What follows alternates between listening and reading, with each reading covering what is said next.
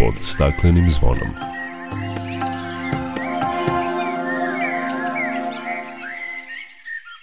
Dobar dan, dobrodošli na Zeleni talas prvog programa radija Radio Televizija Vojvodine. Ja sam Dragana Ratković. U Srbiji se prema proceni godišnje baci gotovo 250.000 tona hrane. Čak 99% otpada od hrane završava na deponiji iz ovog toka otpada generiše se oko 8% ukupnih gasova sa efektom staklene bašte, koja u velikoj meri doprinosi globalnom zagrevanju i klimatskim promenama. U temi emisije govorit ćemo o naledovom projektu ka boljem upravljanju otpadom od hrane u Republici Srbiji, kako se otpad od hrane može iskoristiti, šta je cilj akcije prikupljanja 1000 tona otpada od hrane, a čućete i kako to rade ugostitelji koji su društveno odgovorni. Biće reči i o gradskom parku u Vršcu, jednom od malobrojnih sačuvanih parkova javnog karaktera mešovitog stila, svojstvenog za Evropu 18. veka, koji godinama čeka zaštitu, te o kriterijumima i načinu ko može konkurisati za subvencije za kupovinu bicikla u Novom Sadu. Toliko u najavi o ovim i drugim temama opširnije nakon pozorne pesme.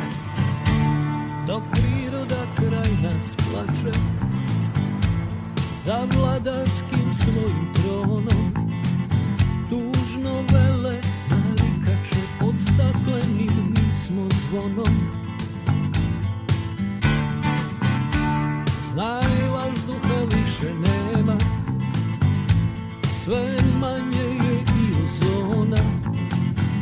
Protiv sebe ide čovek I to često bez pardona Uništenju živog sveta Kao da su ljudi skloni Čovek sam je sebi meta Zbog njega ovo zvono zvoni Uništenju živog sveta Kao da su ljudi skloni Čovek sam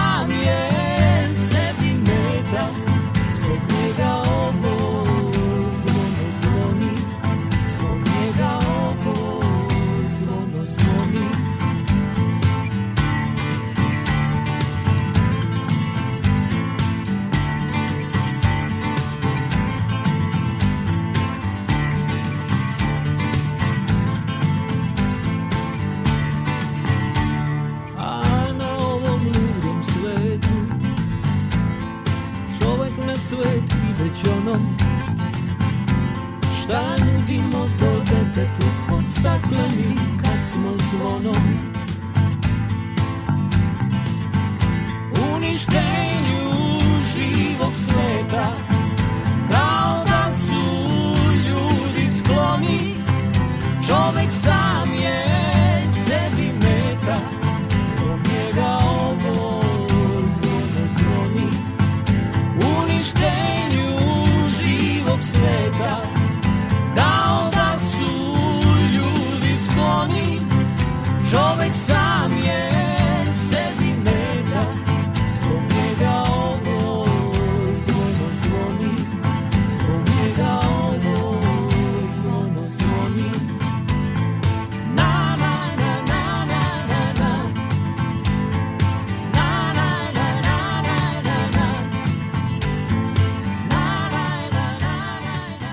U Srbiji se prema proceni godišnje baci gotovo 250.000 tona hrane, što je oko 30 do 40 kg po stanovniku.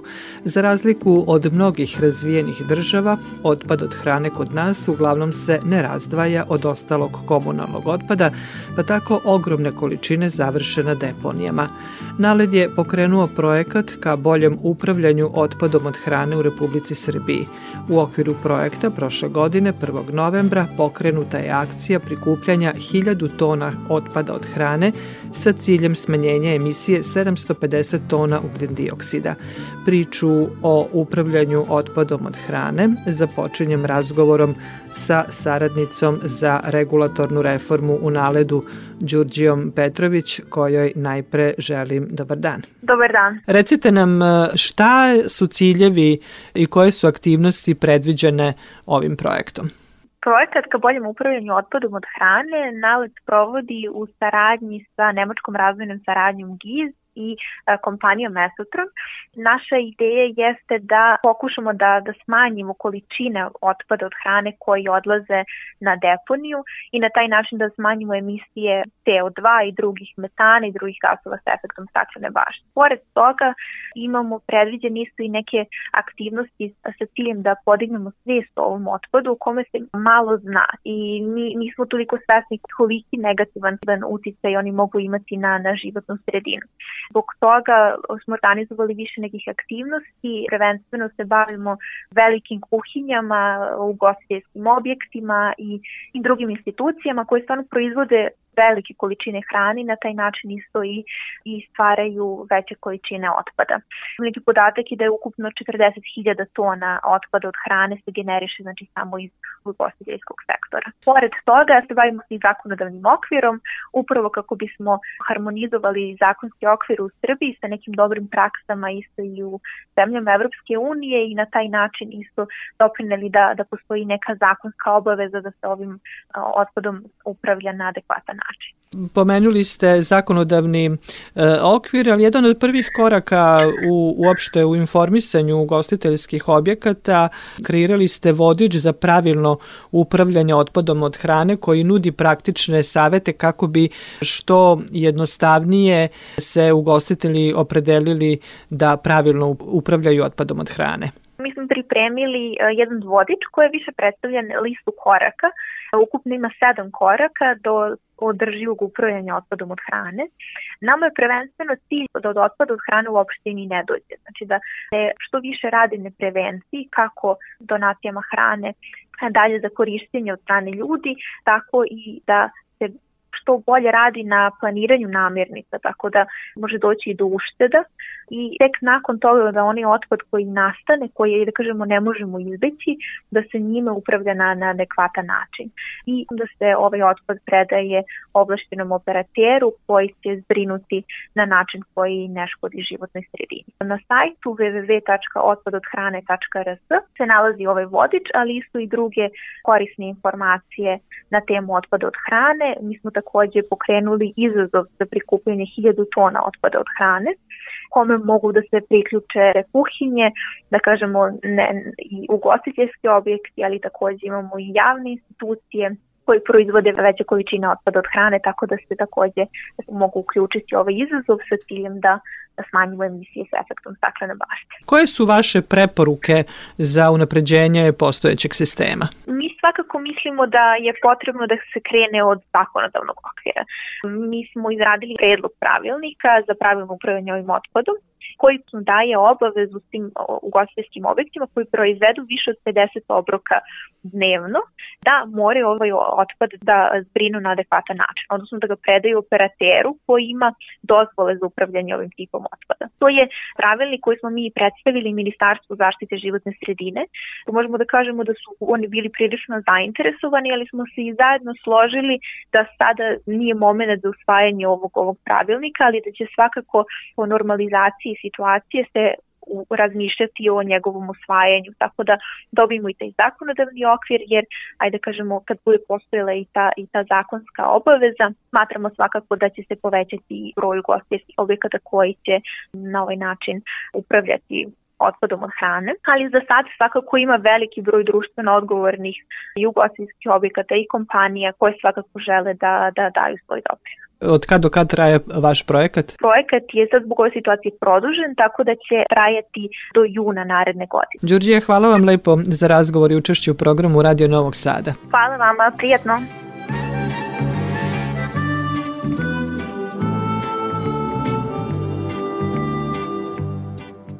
Slušate emisiju pod staklenim zvonom. Nastavljamo razgovor o upravljanju otpadom od hrane. Kao što ste čuli, Naled je zajedno sa Gizom i Esotronom pokrenuo akciju prikupljanja 1000 tona otpada od hrane sa ciljem smanjenja emisije 750 tona ugljen dioksida.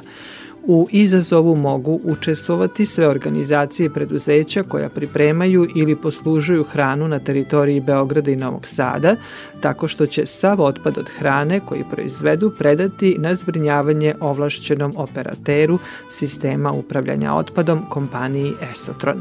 Šta radi kompanija sa otpadom od hrane, to će nam reći moj sagovornik, regionalni menadžer u kompaniji Esotron Bojan Gligić. Bojane, i vama želim dobrodošlicu na Zeleni talas Radio Novog Sada. Dobar dan, hvala na ovoj prilici da predstavimo kvalitetno upravljanje otpadom i šta je to što možemo sa njim uraditi, a da to bude zdravije za našu životnu sredinu i doprinos ka uticaju na klimatske promene i sve ono štetno što nam loše upravljanje otpadom predstavlja. I dok mnogi u svetu, pa i kod nas, bacaju ogromne količine hrane, ona se može iskoristiti i tako smanjiti količina otpada, ali uticaj na životnu sredinu, što je cilj akcije u kojoj učestvujete. Kao što ste rekli, organski otpad i otpad od hrane kroz tokove komunalnog otpada završava na deponijama, što je nažalost po hjerarhiji upravljanja otpadom naj, najlošiji i najopasniji vid upravljanja otpadom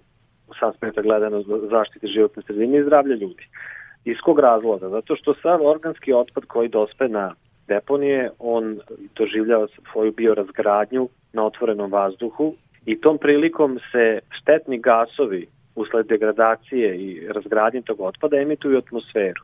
Pored same emisije štetnih gasova poput ugljen dioksida i metana, svedoci smo sve češće da deponije se zapale i gore i emituju sve toksične materije.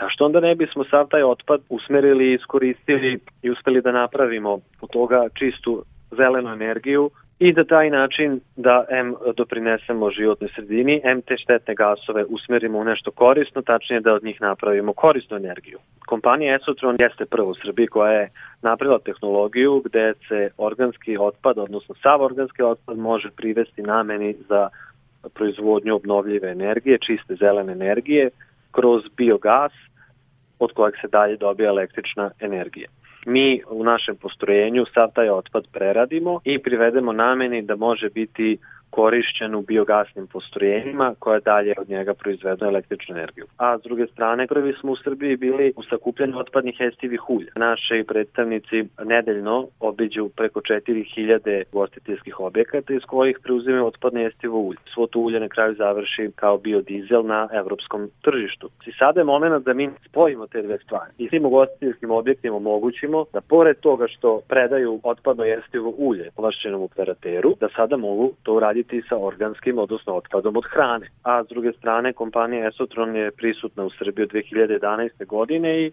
prvi smo u Srbiji bili u sakupljanju otpadnih jestivih ulja. Trenutno imamo komercijalnu mrežu gde naši predstavnici nedeljno obiđu preko 4000 restorana i ugostiteljskih objekata iz kojih preuzimaju otpadno jestivo ulje. To otpadno jestivo ulje godinama već uveliko privodimo isto nameni za korišćenje u zelenim izvorima energije, znači svo to ulje na kraju završi kao biodizel na evropskom tržištu. Pre nego što smo to ponudili restoranima, govorim za ulje, jedini način je bio da se ulje baca u ovaj vodotokove ili u, u prirodu što nije adekvatno jer otpadno jeste ulje može biti vrlo zagađujuće za zemljište i za otpadne vode. Tako da smo za ovih skoro 10 godina uspešno taj sistem implementirali u Srbiji. Sada nam je cilj da sa našim partnerima Naledom i Nemačkom agencijom za saradnju GIZ isto uradimo sa otpadom od hrane. Procenjuje se da domaći ugostiteljski sektor godišnje negde generiše oko 40.000 tona otpada od hrane. Ogromne količine tog otpada 99% e, završi na deponiji, dakle svega 1% se ponovo u potrebi izbrinjava prema važećoj e, regulativi. Recite koliko su gostitelji društveno odgovorni da pravilno upravljaju otpadom od hrane i doprinesu naravno ovim opštim društvenim i ekološkim ciljevima? Ja bih to sad povezao sa edukacijom iz razloga što mnogi ugostitelji nisu iz sušte neodgovornosti loše postupali sa otpadom. Više bilo iz e, neznanja i neimanja vizije šta u stvari loše taj otpad pravi za životnu sredinu i, i, i, i življenje ljudi uopšte. I vrlo imamo pozitivan rezultat u tome da nakon neke prve preliminarne edukacije u samo nekoliko rečenica kao što smo malo pre mi razmenili u ovom razgovoru, da gostitelji požele i odluče istog trenutka da više ne rade to po staroj praksi, nego da o svojim otpadom uprave kako treba i time doprinesu i imidžu svoje firme i životnoj sredini. Recite koji su vaši kapaciteti, da li radite punim kapacitetima ili možete mnogo veće količine otpada od hrane da preuzmete? Pa mi možemo svakako preuzeti način veće količine, mi smo negde i projektovali naše kapacitete da mogu da u doglednom periodu budu dovoljni za celokupnu teritoriju Republike Srbije kao što radimo i sa otpadnim jestivim uljem. Trenutno daleko smo od toga. Zajedno sa Naledom i Gizom e, pokrenuli ste jednogodišnju akciju prikupljanja 1000 tona otpada od hrane sa ciljem smanjenja emisije 750 tona ugljen dioksida. Kako teče ova akcija?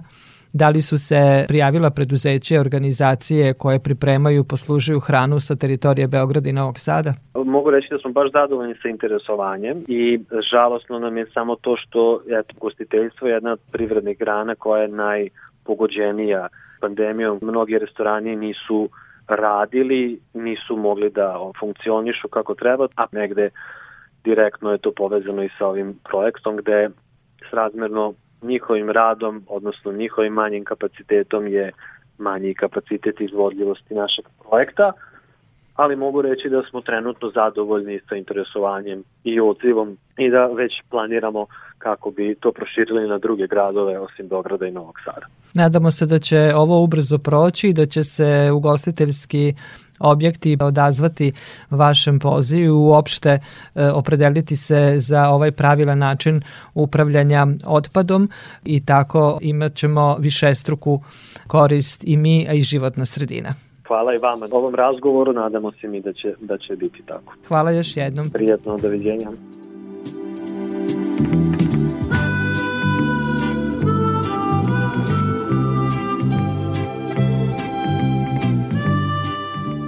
Domaćinstva, ugostiteljstvo i maloprodaja su najveći generatori otpada od hrane. Već smo čuli da prema procenama domaći ugostiteljski sektor godišnje generiše oko 40.000 tona otpada od hrane u kuhinji tokom pripreme hrane i na tanjiru nakon konzumacije jela. Svega 1% se ponovo upotrebljava ili zbrinjava prema važećoj regulativi, dok 99% otpada od hrane završi na deponiji. Iz ovog toka otpada generiše se čak oko 8% ukupnih gasova s efektom staklene bašte, koji u velikoj meri doprinose globalnom zagrevanju i klimatskim promenama. Koliko se naši ugostitelji toga pridržavaju, koliko su društveno odgovorni. Dobar primer kako pravilno upravljati otpadom od hrane je restoran Nacionalna klasa Baj Vojvodina iz Novog Sada, koji se i priključio izazovu prikupljanja 1000 tona otpada od hrane i smanjenju emisije gasova s efektom staklene bašte. Kako to rade, kako to izgleda u praksi, reći će nam Katarina Preveden iz tog restorana. Kada smo započeli saradnju sa Esotronom, od njih smo dobili svu potrebnu opremu i podršku Prvi taj neki korak je bio da obučimo naše kolege koji rade u kuhinji i kolege konobare kako da na pravilan način odvajaju otpad. Po zakonu ovaj, otpad biljnog i životinskog porekla mora odvojeno da se odlaže, tako da su nam ovaj, operateri iz Esotrona obezbedili u skladu sa tim i odvojene kante predviđene za to. Posebna kanta za otpadno jestivo ulje, za biljni otpad i otpad od životinskog porekla. Oni takođe redovno preuzimaju taj otpad tako da ne dolazi do dužeg stajanja i stvaranja neprijatnog mirisa, što je obično i veliki problem kada je komunalni otpad u pitanju. Takođe, prilikom preuzimanja oni nam obezbeđuju nove čiste kante, što nam dodatno mnogo olakšava posao i izdaju nam zakonski dokument o kretanju tog otpada koji smo u obavezi da posjedujemo. Da li možete videti neke benefite od ovakvog načina upravljanja otpadom od hrane? Ispravni smo ispred zakona i finansijski smo uštedili na polju nabavke namirnica zato što možemo da pratimo da li neke namirnice uzimamo u prekomernoj količini i ono što je najvažnije je da smo društveno odgovorni i da smo tim nekim malim promenama u svakodnevnoj rutini uspeli da doprinesemo čistijoj životnoj sredini. To je bio i razlog sigurno što ste se uključili u ovu veliku akciju prikupljanja 1000 tona hrane kako bi se smanjile emisije gasova sa efektom staklene bašte? Naravno, da mi smo sa operaterom Esotronom prvo započeli saradnju za otpadna jestiva ulja i ubrzo nakon toga kada su oni objavili da imaju tu akciju prikupljanja 1000 tona otpada od hrane, mi smo se rado priključili.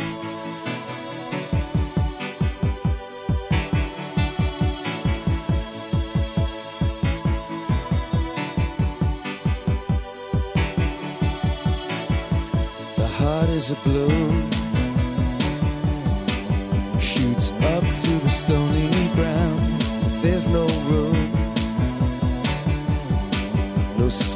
to rent in this town. You're out of luck. And the reason that you had to care the traffic is stuck. And you're not moving anywhere. You thought you found a friend to take you out of this place. Someone you can lend a hand return for grace. It's a beautiful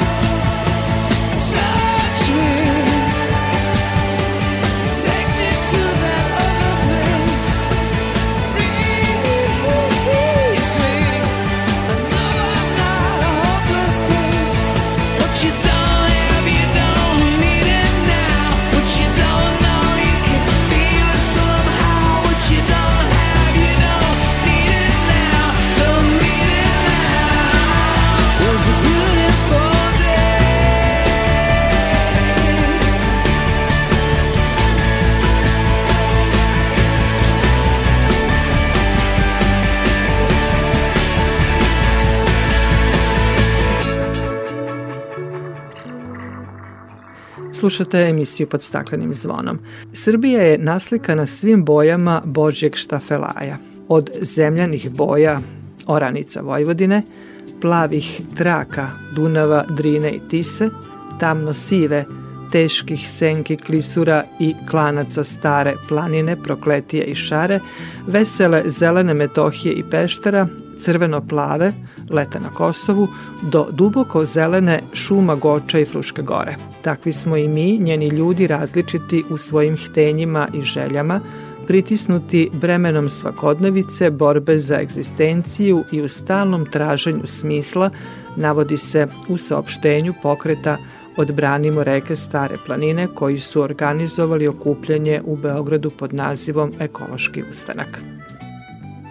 Neki od zahteva protesta su poštovanje ustava i postojećih zakona u oblasti zaštite životne sredine, usklađivanje propisa sa najvišim standardima zaštite životne sredine, učešće građanke i građana u pitanjima o životnoj sredini, informisanje i obrazovanje o zaštiti životne sredine, zaštita prirode, održivo šumarstvo, obustava izgradnje i revizija štetnih projekata malih hidroelektrana, očuvanje vodnih dobara, zdrava urbana sredina, odgovorni sistemi upravljanja otpadom, da dišemo čist vazduh, energija dobra za sve i sveobuhvatni održivi razvoj.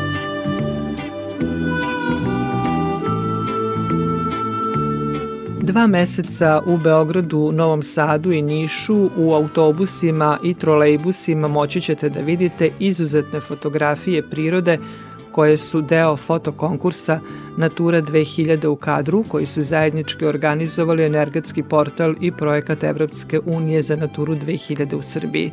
To je deo kampanje Zdrava priroda za zdrav život sa ciljem da se poveća svest građana o prirodnim lepotama Srbije i ukaže na važnost njihove zaštite. Dobro očuvani ekosistemi i biodiverzitet su presudni da bi se osiguralo dobro zdravlje naše prirode.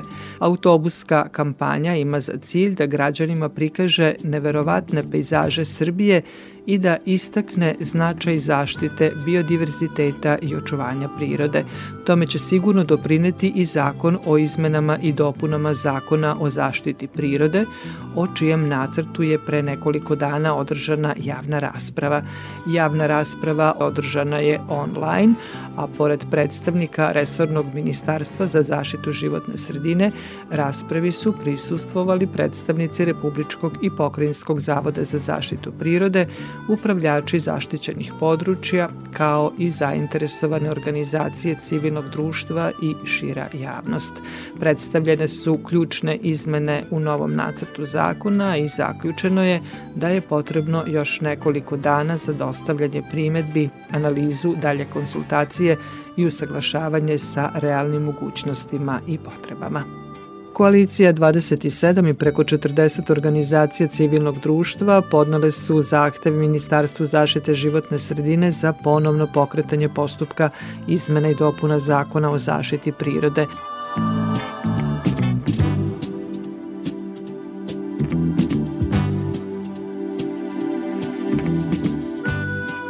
Slušate emisiju pod staklenim zvonom. Zelenilo i drveće je posebno važno u gradovima jer doprinosi boljem kvalitetu života. Zbog toga se sve više ukazuje na značaj parkova kao malih oaza prirode u urbanim sredinama. Evropski gradovi su od davnina imali svoje parkove i gradske bašte, jer su i njihovi stanovnici, ne samo pripadnici plemstva, i sami želeli da uživaju u pripitemljenoj prirodi. Gradski park u Vršcu je jedan od malobrojnih sačuvanih parkova javnog karaktera mešovitog stila svojstvenog za Evropu 18. veka sa značajnim redkim drvećem i zelenilom koji je mogao da se poredi sa onima u Budimpešti, Beču, Temišvaru. Danas, kažu, on propada jer 20 godina čeka adekvatnu zaštitu. Zbog toga su aktivisti Ekološkog centra Stanište Prirodnjačkog društva GEA i Ekološkog udruženja Avalon iz Vršca pokrenuli peticiju da se jedan od najvrednijih i najstarijih parkova u Srbiji zaštiti i spreči njegovo dalje propadanje. O tome razgovaram sa ekološkom aktivistkinjom iz udruženja Avalon, Dragicom Stanojlović. Dragice, dobar dan i dobrodošli na Zeleni talas Radija Novog Sada. Dobar dan vama i dobar dan svim vašim slušalcima. Drago mi je da mogu da kažem nekoliko reči o našem parku koji je bio ukras našeg grada i o kome su u jutarnjem listu još 1927. godine pisali sa oduševljenjem ondašnji novinari govoreći da ljudi mogu da dođu u Vršac i da vide koliko vršani posvećuju pažnje svom divnom parku u kome postoje, nabrojao je divne staze, skroviti predeli, skulpture, mesta za šetnju, za odmor, za razmišljanje, za uživanje i da e, svi u Jugoslaviji tadašnjoj znači mogu da se ugledaju kako se održavaju te površine. Dragice, kažu da priča o gradskom parku u Vršcu je zapravo priča o samom Vršcu i da je ovaj park e, nekako utkan u istoriju samog grada i njihovih stanovnika. Prvo da pomenem jednu legendu, jer zapravo mi nemamo podatke o tome. E, znate da je od 1552. do 1716. vršac bio pod Turcima. Ondašnji Aga koji je uživao u tom parku. Znači on je već nešto kao napravio neku vrstu parkovskog prostora da je e, nije želeo da vrati ondašnjim austrijskim vlastima nego je rekao da taj prostor poklanja svojim dragim vrščanima. To je legenda, a istina je da je imanje tu u 18. veku bilo dodeljeno porodici Grofovskoj Šeribl i da su oni posle poklonili taj deo, odnosno da je deo e, zemljišta gradskog vraćen gradu i da je tad počeo da se razvija naš park koji je građen u engleskom stilu, zelenilo i trava i da su e, vrščani bili veoma zainteresovani za taj park jer je e, još od 19. veka postojalo udruženje ljubitelja Vršačkog parka i ljudi su bili angažovani da u parku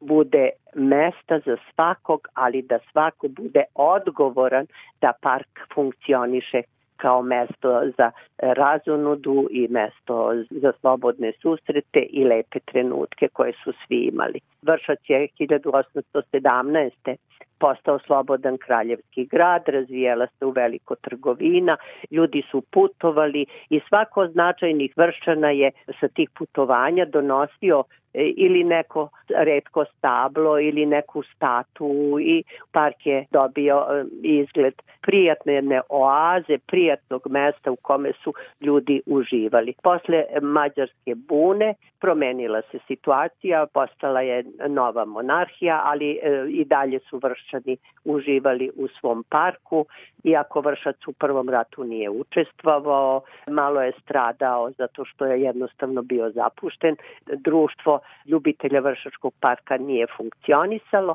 u drugom svetskom ratu je veoma stradao jer je tu su bilo, bilo je mesto za tenkove. I posle drugog svetskog rata vrščani su odmah krenuli sa uređenjem parka, sve staze koje su bile razrovane su sređene, popločane, stavljen je šljunak, stabla su ponovo oživljena i posađena su na onim mestima gde su bila oštećena, aleje cvetne, to je bilo jako značajno što je naš park bio veoma bogat tim zelenim površinama i cvetnim alejama koje su na sve strane davale tako jedan raskošni izgled uz drveće koje je imalo onako poseban, poseban da, Da, Dragice kažu da gradski park u Vršcu, pored toga što ima veliku hortikulturnu i pejzažnu vrednost, e, ovaj park, čuli smo, jedan je od najstarijih i najreprezentativnijih parkova u našoj zemlji, često i predmet naučnih studija i kažu da predstavlja pravu botaničku baštu. Kako danas izgleda park? Pošto nema nikog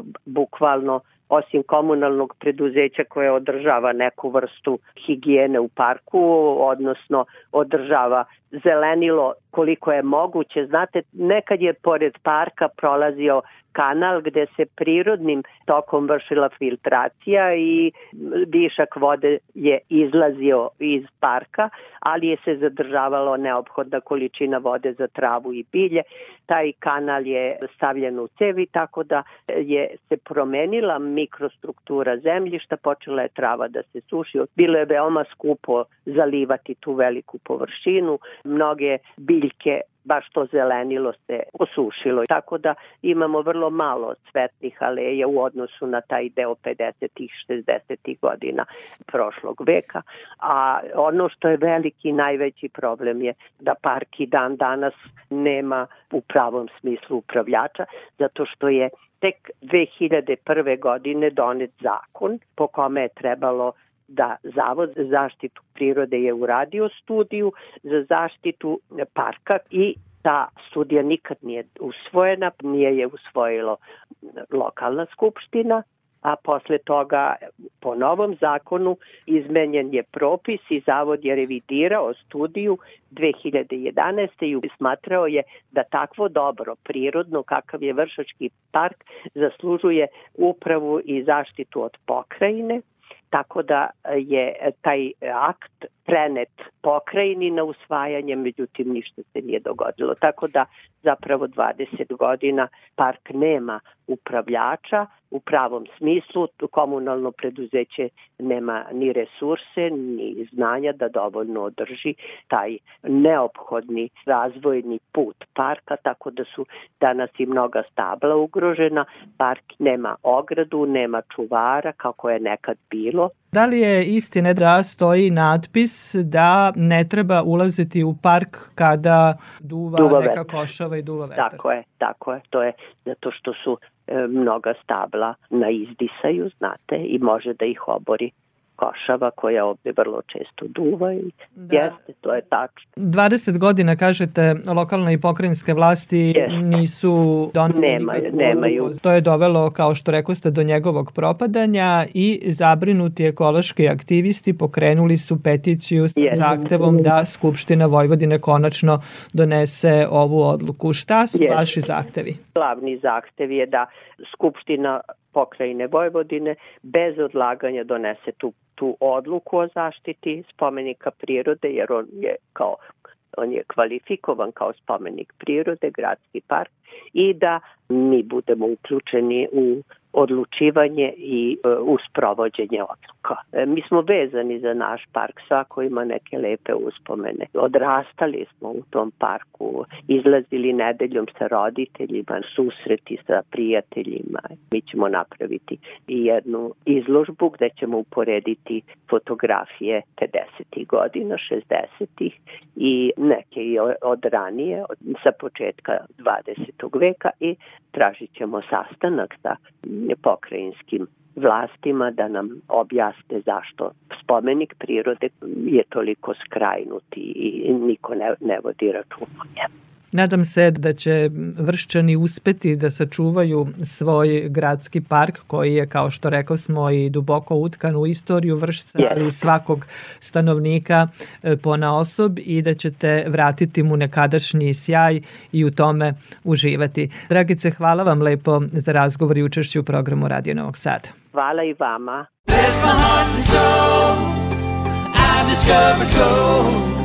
Spread the news around The ship afloat, rock and roll boat, and let's get into town. I'm living down by the creek, in the mire and the mud.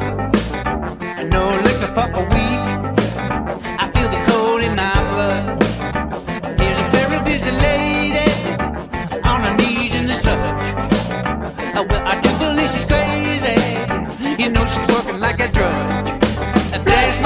And soul.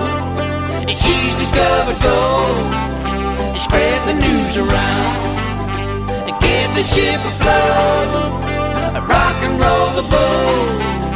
And let's get into town. Even though she smells like a dream, And she's an angel to me. Her intentions are plain, and the whiskey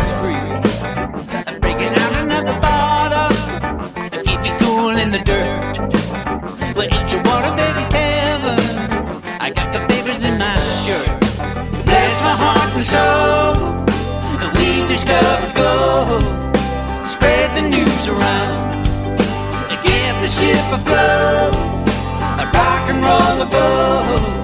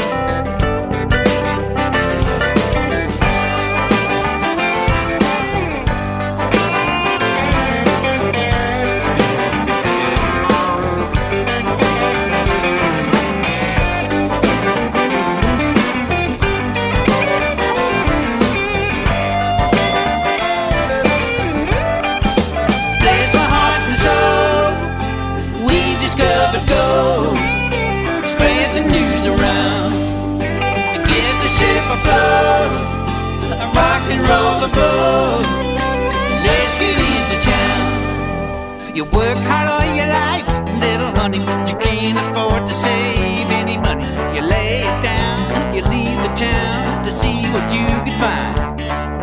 For more than 20 years, you're a digging. You can't believe what you are a begging. It's a piece of change just like a mountain range will be. We're gonna lay it down. Slušate emisiju pod staklenim zvonom. Prema istraživanju na univerzitetu u Oksfordu, izbor bicikla umesto automobila samo jednom dnevno smanjuje prosečnu emisiju ugljenika iz prevoza za 67%. Studija Efekti ublažavanja klimatskih promena svakodnevnim aktivnim putovanjem u gradovima otkriva da se putovanja u rekreativne svrhe poput kupovine ili druženja češće obavljaju automobilom. Prema istraživanjima ova putovanja su obično kraća što povećava tendenciju mogućnost za prelazak na hodanje ili biciklizam. Ako bi 10% stanovništva svaki dan jedno putovanje automobilom zamenilo vožnjom bicikla, Pretpostavlja se da bi smanjenje ukupne emisije koja se stvara prilikom transporta bilo oko 10%, navodi se u studiji. Ako bi isti procenat stanovništva jedno putovanje automobilom zamenio jednim putovanjem javnim prevozom, emisije pojedinačnog prevoza bile bi za 19% niže. Novi Sad je obnovio vozni park ekološkim modernijim vozilima, na ulicama je sada 29 novih vozila na prirodni komprimovani gas, a zamena prevoza automobilom, vožnjom bicikla takođe značajno umanjuje emisije. Sve više novosađana koristi biciklu, a u narednom periodu broj biciklista mogao bi se povećati. Naime, nakon što je Novosadska biciklistička inicijativa uputila predlog Ministarstvu zaštite životne sredine i vladi Srbije da subvencionišu kupovinu bicikala, početkom februara objavljeno je da će Novi Sad biti prvi koji kreće sa podsticajima za kupovinu bicikala. O kriterijumima i načinu ko može konkurisati za subvenciju za kupovinu bicikla govori vede načelnica Gradske uprave za zaštitu životne sredine grada Novog Sada Dragica Branković. Moramo da se zahvalimo biciklističkoj inicijativi koja je na neki način već našu ideju dodatno stimulisala i pokrenula. Naime, mi smo donošenjem plana kvaliteta vazduha utvrdili da je jedan od e, osnovnih izvora zagađenja u Novom Sadu saobraćaj. I u kontekstu toga, kao meru za poboljšanje kvaliteta vazduha, predvideli smo podsticanje i promociju korišćenja bicikla. Tako da ove dve ideje su se nekako sabrale na istom mestu i evo mi smo pokrenuli ovu akciju podrške građanima za nabavku bicikla. U ovom trenutku imamo 8 miliona za podršku. Planiramo da građanima damo po 10.000 za nabavku bicikla. Mi ćemo blagovremeno građane obavestiti javnim pozivom pozivom. Samo molimo građane za malo strpljenja dok ne obavimo sve prethodne neophodne radnje koje su potrebne da bi došli do toga da građani konkurišu za podršku za nabavku bicikla. Prvo što to građani treba da ispune kao osnovni uslov, to je da e, im je prebivalište na teritoriji grada Novog Sada. To dokazuju fotokopijom lične karte, pošto je uslov da jedan član iz e, porodičnog domaćinstva može da e, dobije podršku, moraće da dostavi potpisanu izjavu o tome da su oni jedini članovi domaćinstva koji konkurišu i da dostave spisak svojih članova domaćinstva kako bi nekako pravilnije rasporedili ta raspoloživa sredstva. Jedini ostali kriterijum biće po redosledu prijavljivanja. Da bi izbegli bilo kakve moguće zloupotrebe ili sumnje da će se nešto odraditi kako treba, napravit ćemo aplikaciju tako da građani prije, mogu da se prijave preko aplikacije i tog trenutka kad se prijave dobit će povratno broj pod kojim su se prijavili. Tako da mogu da tačno znaju kad su se prijavili. Nakon utvrđivanja da su svi građani ispunili sve neophodne uslove za prijavu, građani će biti obavešteni da mogu da kupe bicikl i da fiskalni, odnosno gotovinski račun donesu kao dokaz da su kupili bicikl.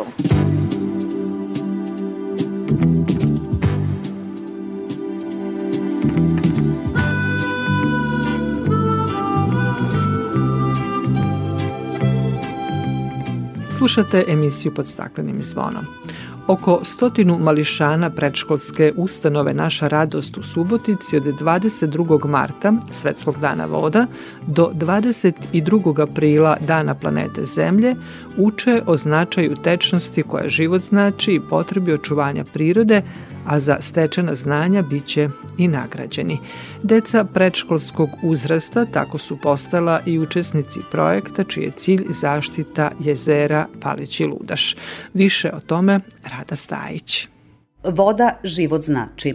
To znaju i mališani predškolske ustanove Naša radost iz Subotice, koji uz crteže riba koje plivaju u vodi i zanimljive priče o nastanku jezera Palić, kroz igru uče o vrednosti i značaju vode, jednog od najvažnijih blaga prirode.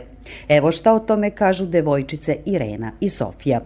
U bazenima, u morima i, i u vodima. Sa piće. I sve šta još? Pepena zupih. Oko stotinu dece uzrasta od 3 do 6 godina koja pohađaju objekte predškolske ustanove Naša radost od 22. marta pa do 22. aprila nizom aktivnosti učestvuju u obeležavanju Svetskog dana voda i dana planete Zemlje. Ističe Nebojša Markez, direktor predškolske ustanove Naša radost. To je ono okruženje u kojem mi živimo, u kojem odrastamo, a svi jako dobro znamo da ta kolevka svih tih aktivnosti je u stvari najraniji uzrast. Eko, bajka za decu, voda i grad, kviz za mališane, čija je tema voda, te eko pričaonica Kefalica, organizovani su za mališane u okviru projekta Zaštita biodiverziteta jezera Palić i Ludaš, koji predškolska ustanova Naša radost sprovodi u saradnji sa javnim komunalnim preduzećem Vodovod i kanalizacija. Evo što su povodom ove akcije izjavili Petar Doroslovački i Đerđ Šugar iz javnog komunalnog preduzeća Vodovod i kanalizacija. Tema ove godine je vrednost vode, ali ne u onom materialističkom finansijskom smislu, nego baš na ovaj način kao što radimo sa decom. Suština ove priče jeste da naučimo naše u suštini sledeću generaciju kako da se opode i kako da tretiraju ovu vodu I javno preduzeće Palić Ludaš podučilo je mališane kako se čuva biljni životinski svet koji živi u dva jezera na severu Bačke i njihovoj neposrednoj okolini. Evo šta o projektu kaže Marta Dobo, direktorka javnog preduzeća Palić Ludaš završena ekspropriacija, radi se zaštitni pojas i naravno vrši se i sadnja biljaka. Prošle godine radili smo i pretprošle selektivni izlov. Finale projekta, čiji je cilj zaštita jezera Palići Ludaša, koji vlada Nemačke posredstvom KFE banke finansira sa 6,5 miliona evra, simbolično će biti održano 22. aprila na dan planete Zemlje, a tom prilikom mališani će biti nagrađeni za znanje sticano sa ciljem očuvanja prirode.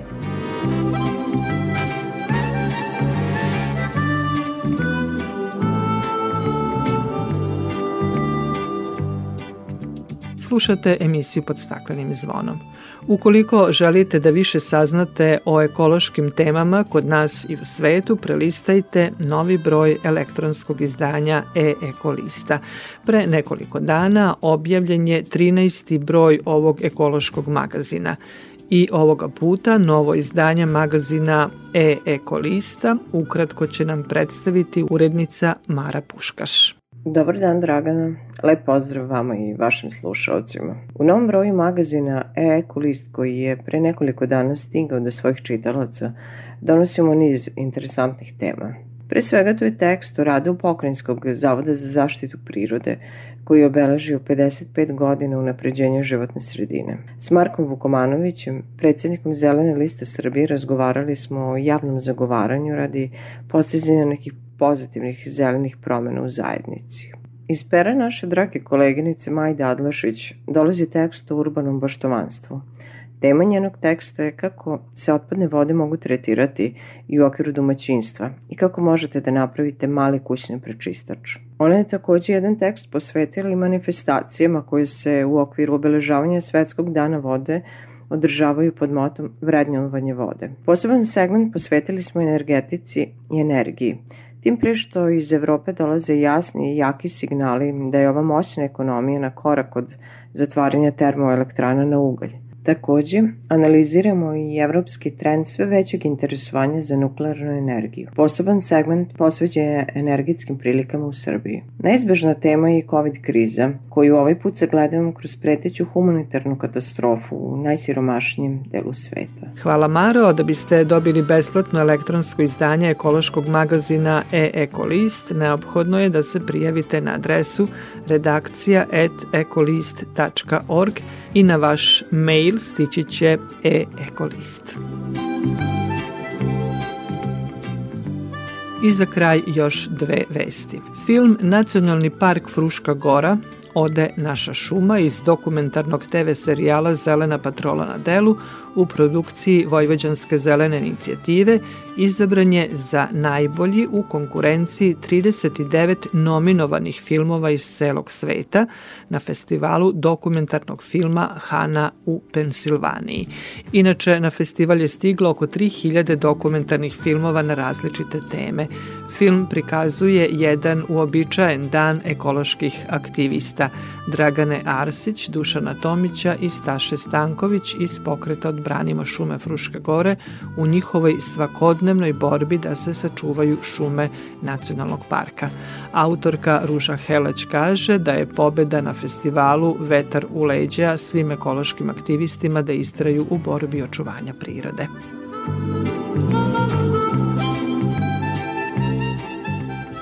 Ukoliko želite da ukažete na one koji se svojim angažovanjem bore za očuvanje prirode i unapređenje stanja životne sredine, možete ih predložiti za dodelu velike povelje Zelena planeta. Naime, Društvo stručnjaka ekoloških nauka Srbije upućuje javni poziv za predlaganje kandidata za dodelu velike povelje Zelena planeta za 2021. godinu pojedincu, društvu ili ustanovi za učinjeno dobro prirodi. Priznanje se dodeljuje za višegodišnje uspešno angažovanje na polju ekologije. Pravo učešće na konkursu imaju pravna i fizička lica sa teritorije Republike Srbije. Konkurs je otvoren do 23. aprila. Svoje predloge za laureate sa obrazloženjem, adresom i kontakt telefonom možete slati na adresu Društvo stručnjaka ekoloških nauka Srbije, Hala Pinki, Kancelarija 305. Gradski park 2 11080 Zemun ili na mail zelenaplaneta1 at gmail.com. Proglašenje dobitnika kao i uručenje povelje zavisi od pandemijske situacije u zemlji i naknadno će biti saopšten. Došli smo do kraja emisije pod staklenim zvonom koju možete slušati i odloženo na podcastu Radio Televizije Vojvodine na adresi rtv.rs na pažnji vam zahvaljuju Violeta Marković, Zoran Gajinov i Dragana Ratković. Naredni susret zakazujemo za sedam dana u isto vreme na zelenom talasu prvog programa radija Radio Televizije Vojvodine. Sing my sister, sing. Let